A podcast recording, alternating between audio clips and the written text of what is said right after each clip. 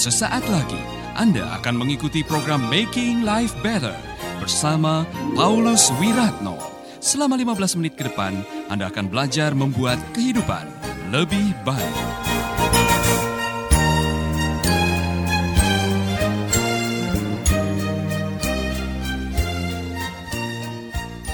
Nah, saudara-saudara, saya akan membahas lebih lanjut lagi landasan hidup dalam kebersamaan. Nah, ini saudara-saudara, dalam keluarga yang skalanya masih kecil saja, kadang-kadang ribut, ya kan? Kadang-kadang kita bertengkar.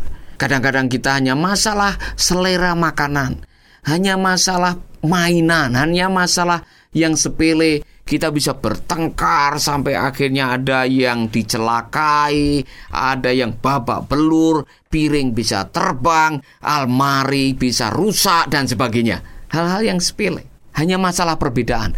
Apalagi kalau dibawa dalam sekup hidup dalam gereja.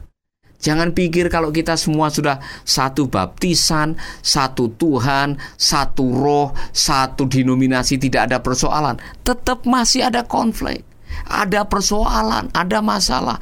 Itulah sebabnya Rasul Paulus mengatakan kepada jemaat di Efesus tadi, berusahalah sungguh-sungguh untuk hidup dengan damai supaya kesatuan yang diciptakan oleh Roh Allah tetap terpelihara.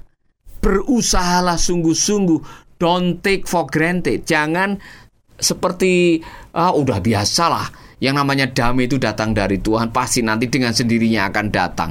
Yang namanya uh, pertolongan Tuhan pasti ada. Memang, memang Tuhan akan menolong. Memang Tuhan memberikan kita hati yang damai, tapi ada bagian dalam hidup kita supaya kita bisa menjaga hati kita berusaha dengan segenap hati untuk menciptakan kedamaian supaya tercipta kesatuan. Nah, saudara-saudara, mengapa Rasul Paulus mengajarkan ini? Karena gereja yang namanya hidup bergereja itu juga rawan perselisihan, rawan pertengkaran. Saudara bisa menemukan itu di dalam kitab 1 Korintus. Ada konflik yang sangat serius di jemaat Korintus yang memalukan sekali. Dan kalau saya bisa mengatakan memalukan karena seharusnya tidak terjadi. Bagaimana mungkin sebuah jemaat yang jemaatnya penuh dengan roh katanya yang masing-masing punya karunia kok bisa ada konflik? Bisa ada kelompok-kelompok, ada kelompoknya Apolos, ada kelompoknya Paulus, ada kelompoknya Petrus, ada kelompoknya Yesus Kristus, berkelompok-kelompok. Bagaimana itu bisa terjadi?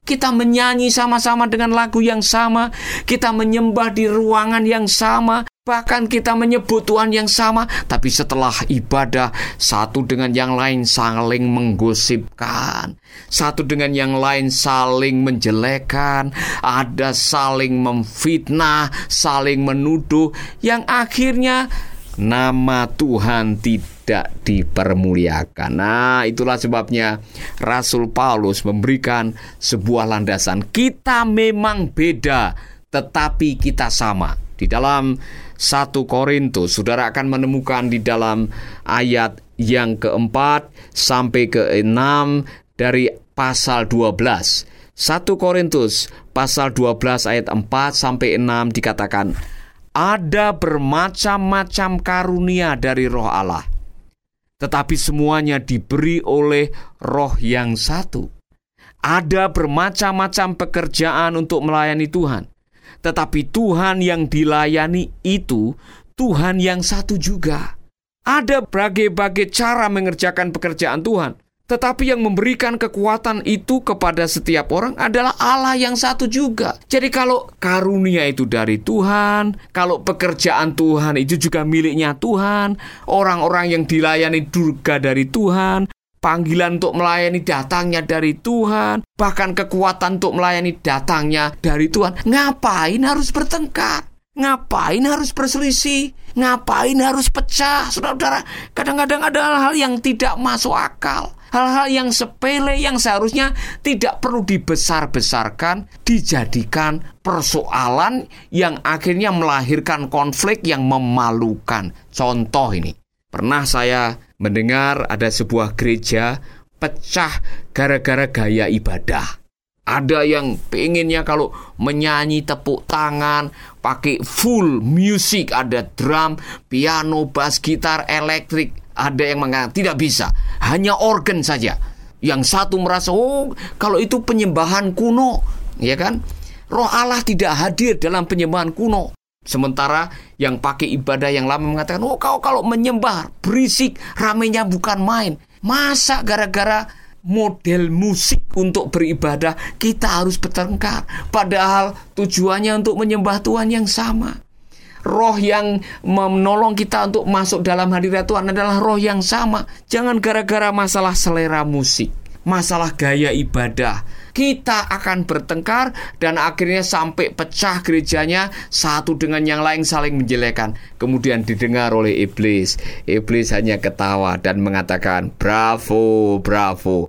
Berhasillah kita memecah belah pekerjaan Yesus Kristus dengan hanya hal-hal yang sepele. Tidak mesti harus kerja keras. Saudara-saudara, kita malu malu dengan iblis, malu dengan Tuhan, malu dengan yang lain-lain, gara-gara hal yang sepele kita jadikan persoalan. Oleh karena itu, satu fondasi, satu landasan yang harus dimiliki oleh kita semua sebelum kita lebih lanjut membahas mengenai unity diversity atau persatuan dalam keberagaman, saya mau mengatakan kepada saudara-saudara, fahamilah ini, kita memang beda, tetapi sama. Sama-sama Tuhannya, sama-sama menyembah Dia, sama-sama ingin mengagungkan namanya. Tapi kita harus akui bahwa kita bisa beda selera. Anda masih bersama Paulus Wiratno di Making Life Better.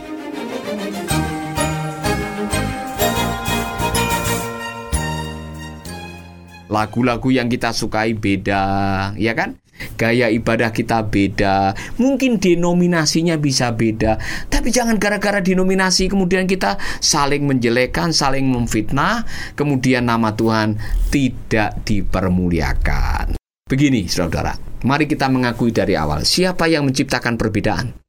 Saya harus mengatakan, dan kita harus mengakui, siapa yang awalnya menciptakan perbedaan? Tuhan. Tuhanlah yang menciptakan perbedaan. Tuhan menciptakan laki dan perempuan. Kemudian lahirlah bangsa-bangsa yang ada di dalam dunia ini dari keturunan-keturunan manusia pertama ini. Ada bangsa Arab, ada bangsa Asia, bangsa Indonesia, bangsa Amerika, macam-macam, ya kan? Ada yang kulitnya mm, uh, putih, ada yang kulitnya sawo matang, ada yang kulitnya hitam. Itu semua ciptaan Tuhan. Masih ingat lagu yang lama, saudara-saudara, lagu anak sekolah minggu yang mengatakan, Yesus cinta segala bangsa, segala bangsa di dunia. Ya kan? Yesus mencintai itu karena Tuhan yang menciptakan mereka. Jadi kalau Tuhan yang menciptakan perbedaan, maka perbedaan itu harus diterima sebagai sebuah anugerah, bukan sebagai sebuah masalah. Amin. Perbedaan harus diterima sebagai sebuah berkah, bukan sebagai sebuah kelemahan. Saudara-saudara, bagi orang-orang yang bisa menerima perbedaan sebagai sebuah anugerah, ketika kita ketemu dengan orang yang lain bangsa, lain suku, lain ras, lain bahasa, kita mensyukuri itu, bukan kita saling menjelekan, merendahkan, menyombongkan, kemudian konflik, tengkar gara-gara masalah hal yang sepele. Haleluya. Amin. Nah, mari kita kembali kepada apa yang ada di dalam kebenaran firman Tuhan. Tuhan yang menciptakan perbedaan karena Tuhan tahu persis dia Maha Kuasa. Contoh ini. Apa jadinya kalau Tuhan menciptakan semua wanita wajahnya sama? Coba dengar baik-baik. Kalau Tuhan menciptakan semua wanita wajahnya sama, suami-suami akan bingung, bingung milih wanita yang mana yang menjadi istri saya. Saudara, kalau ada pertemuan kaum wanita misalkan, saudara lihat semua wajahnya sama, saudara bingung, istri saya yang mana? Akhirnya saudara bisa-bisa salah memilih, ya kan? Kalau semua warna bunga kuning semua, tentu saja membosankan. Kalau semua warna yang ada di sekitar kita hitam semua, tentu saja kita akan menjadi orang yang tidak tertarik untuk tinggal di dunia ini. Tuhan Maha Kuasa. kemahakuasaannya diekspresikan dalam kemampuannya untuk menciptakan segala sesuatunya berbeda. Maka perbedaan adalah sebuah ekspresi karya Allah yang harus diterima dengan sukacita, bukan dijadikan bahan perpecahan, perselisihan, dan konflik perang dan akhirnya menyengsarakan orang. Amin. We are different. Kita beda, but we are important. Tetapi kita penting masing-masing di hadapan Tuhan. Amin, saudara-saudara. Apa artinya ini? Artinya, tidak ada yang boleh menghakimi, menilai orang dengan kacamata perbedaan dan merendahkan mereka. Karena apa? Rasul Paulus pernah mengatakan, kita semua sudah ada di dalam Kristus.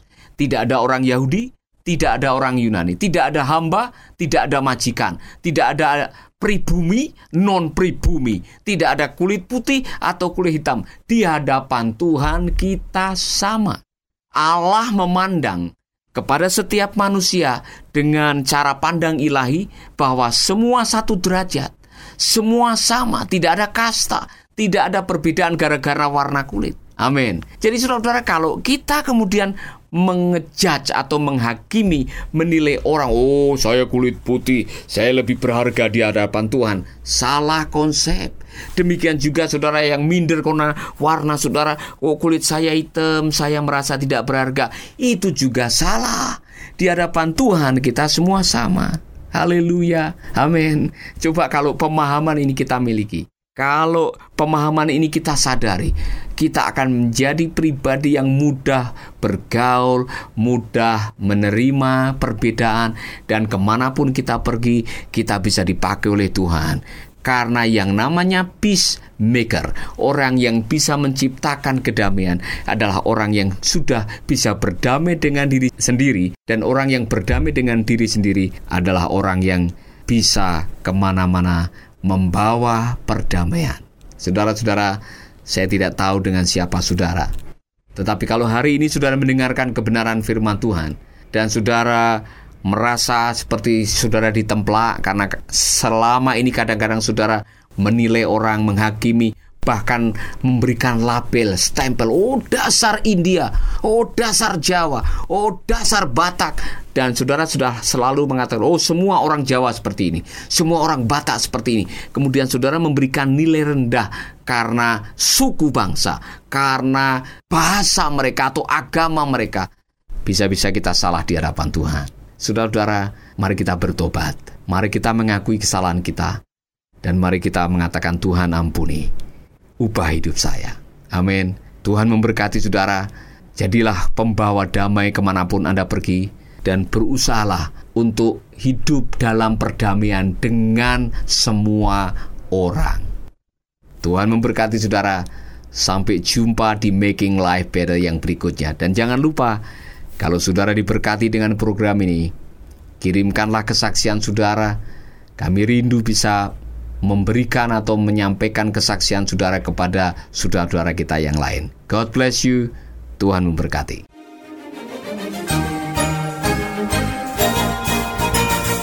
Baru saja Anda mendengarkan Making Life Better bersama Paulus Wiratno. Jika Anda diberkati, kirimkan kesaksian Anda ke Radio Dian Mandiri Jalan Intan LC2 Gang 4 Nomor 1 Denpasar, Bali. Kunjungi website kami di www.pauluswiratno.org Facebook Paulus Wiratno.